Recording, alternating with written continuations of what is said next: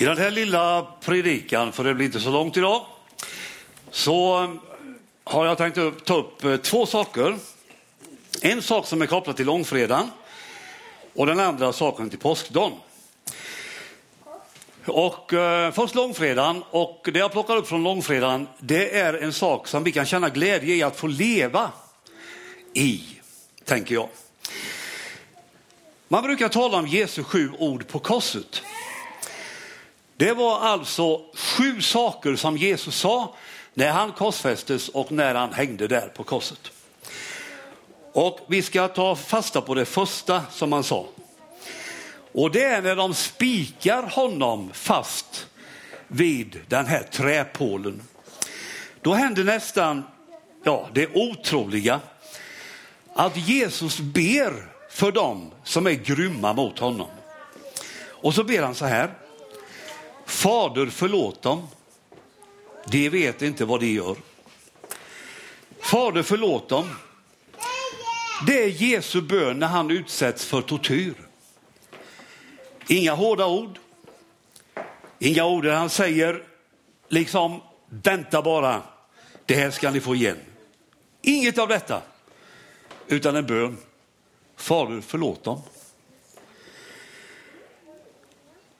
Tror du att det gjorde intryck på de soldaterna som spikade fast honom? Det tror jag. Jag tror att i hela livet sen tänkte det var en märklig man denne Jesus från Nasaret.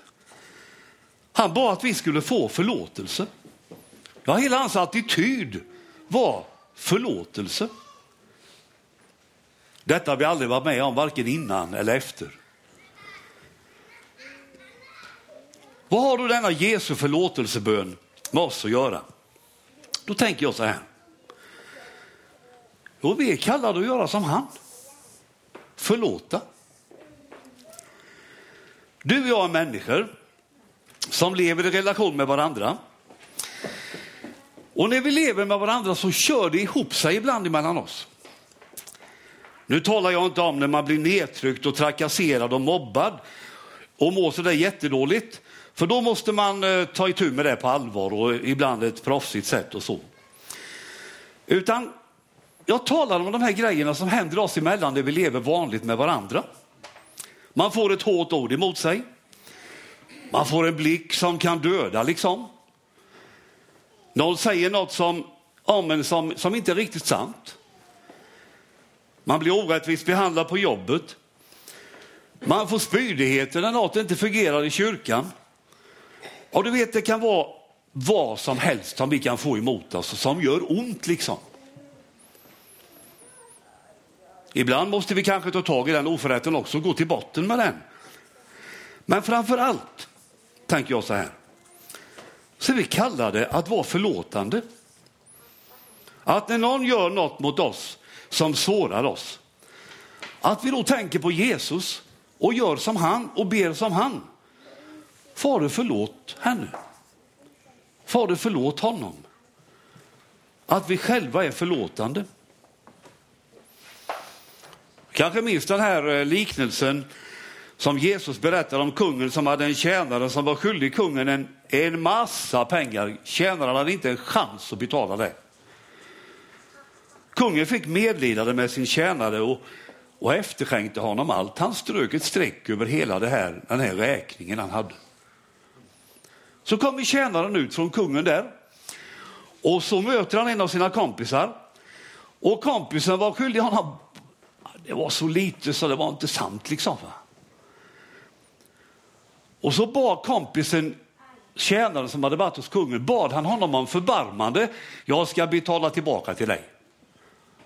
Då tog han honom i kragen och sa, du ska betala nu liksom. Här ska inte strykas något streck över någon räkning. Och så fick kungen reda på det att den första tjänaren hade gjort så. Och så gick det illa för den första tjänaren då. När någon har trampat oss på tårna och gjort något illa mot oss, då har vi två vägar att gå egentligen. Den ena är, vägen är att aldrig släppa taget om det. Utan älta och älta och fundera och kanske ruva på hämnd och till slut hamna i bitterhet. Det är ingen bra väg. Den andra vägen är att vara som Jesus. Att vara förlåtande och be som han. Fader, förlåt dem. Att släppa det och överlämna det åt Jesus och själv, lyssna, bli befriad. Det är ju så här som vi sa på långfredagen, genom sin död så har Jesus ordnat full förlåtelse för oss. Han har betalt den skuld vi aldrig kunde betala. Och så säger han till dig och mig, du är fri. Och då får vi ju inte hamna i fällan att sätta åt andra och att älta och älta in till bitterhet.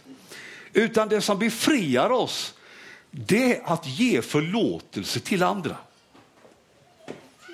Om jag vägrar att, om någon har gjort något orätt mot mig och jag vägrar att ge förlåtelse, då finns det bara en förlorare och det är jag själv. Det är jag själv. När vi har fått förlåtelse av Jesus, så låt oss vara förlåtande. Då blir det befrielse. Det tycker jag är ett glädjebud på påskdagen. Och det andra jag vill säga på påskdagen då, det är ju då att, som vi har hört här, att Jesus uppstod från de döda och den händelsen har förändrat precis allt. Det finns inget som är hopplöst längre liksom. Jesus lever och det innebär att han finns hos oss idag, nära. Det står i Uppenbarelseboken att Jesus han går omkring i församlingarna. Det betyder att han går här idag, hos oss. Och jag tänkte vi ska plocka fram en bibelvers från Saltaren och läsa den tillsammans också. Och så ska vi tänka på Jesus. Det är psalm 139 och 5 och den kommer på bilden här om allt funkar. Jamen. Den är ju så här. Du omger mig på alla sidor. Jag är helt i din hand. Kan vi läsa tillsammans? Du omger mig på alla sidor. Jag är helt i din hand. Att han omger oss på alla sidor, det måste betyda att han är nära. Jag har med mig ett par pallar här.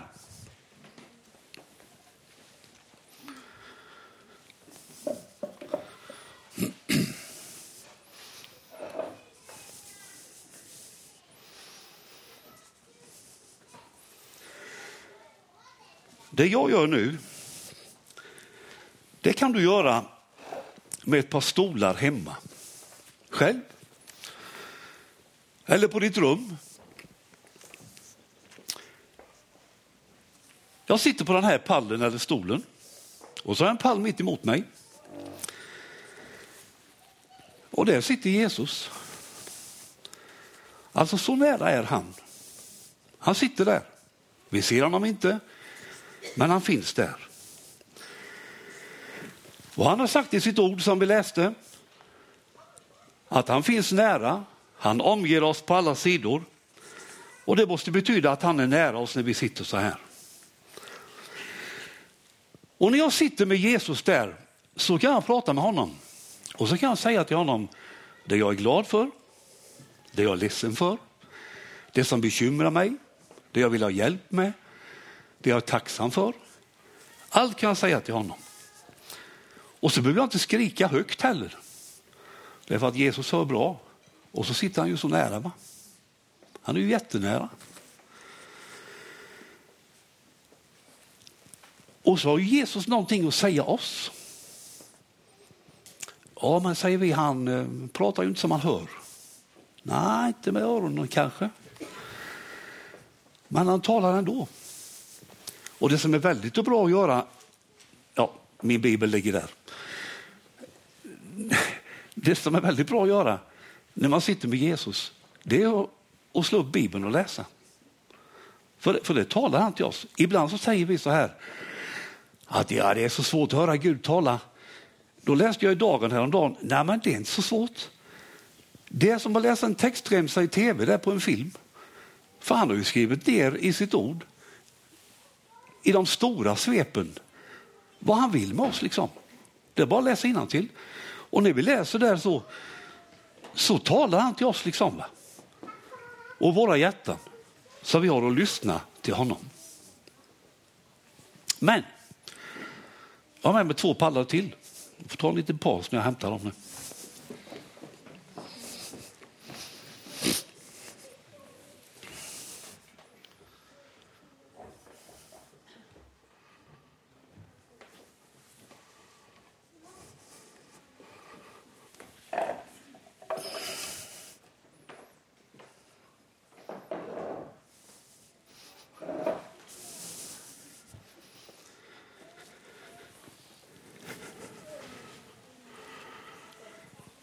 För det är nämligen så här att Jesus är ju Gud. Och vi brukar tala om att Gud, han är fader och han är son och han är helig ande.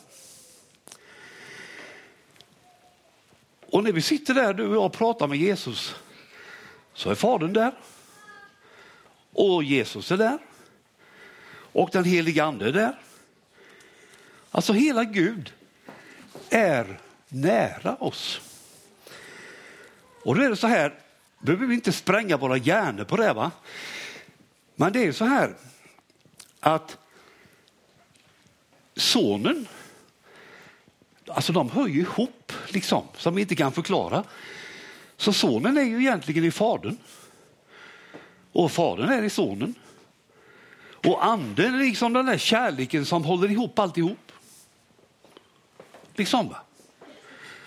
Så då kan man tänka så här, att när vi sitter och pratar med Jesus så här, så är vi omgivna av Guds kärlek, av hela Gud, hela tiden. Och det är fantastiskt. Och så en sak till. Det är ju inte bara när vi sätter oss hemma så här, det är bra att göra det ibland i lugn och ro och tala med Jesus och lyssna till honom. Men det är inte bara då som man är med. Liksom. Utan i skolan och på jobbet och när vi går ut härifrån idag, var vi än är, så är Fadern där, och Sonen där och Anden. Och kärleken omsluter oss hela tiden. Jesus lever och han är alltid nära oss. Ska vi eh, läsa den här bibelversen tillsammans en gång till? Du omger mig på alla sidor. Jag är helt i din hand. Amen.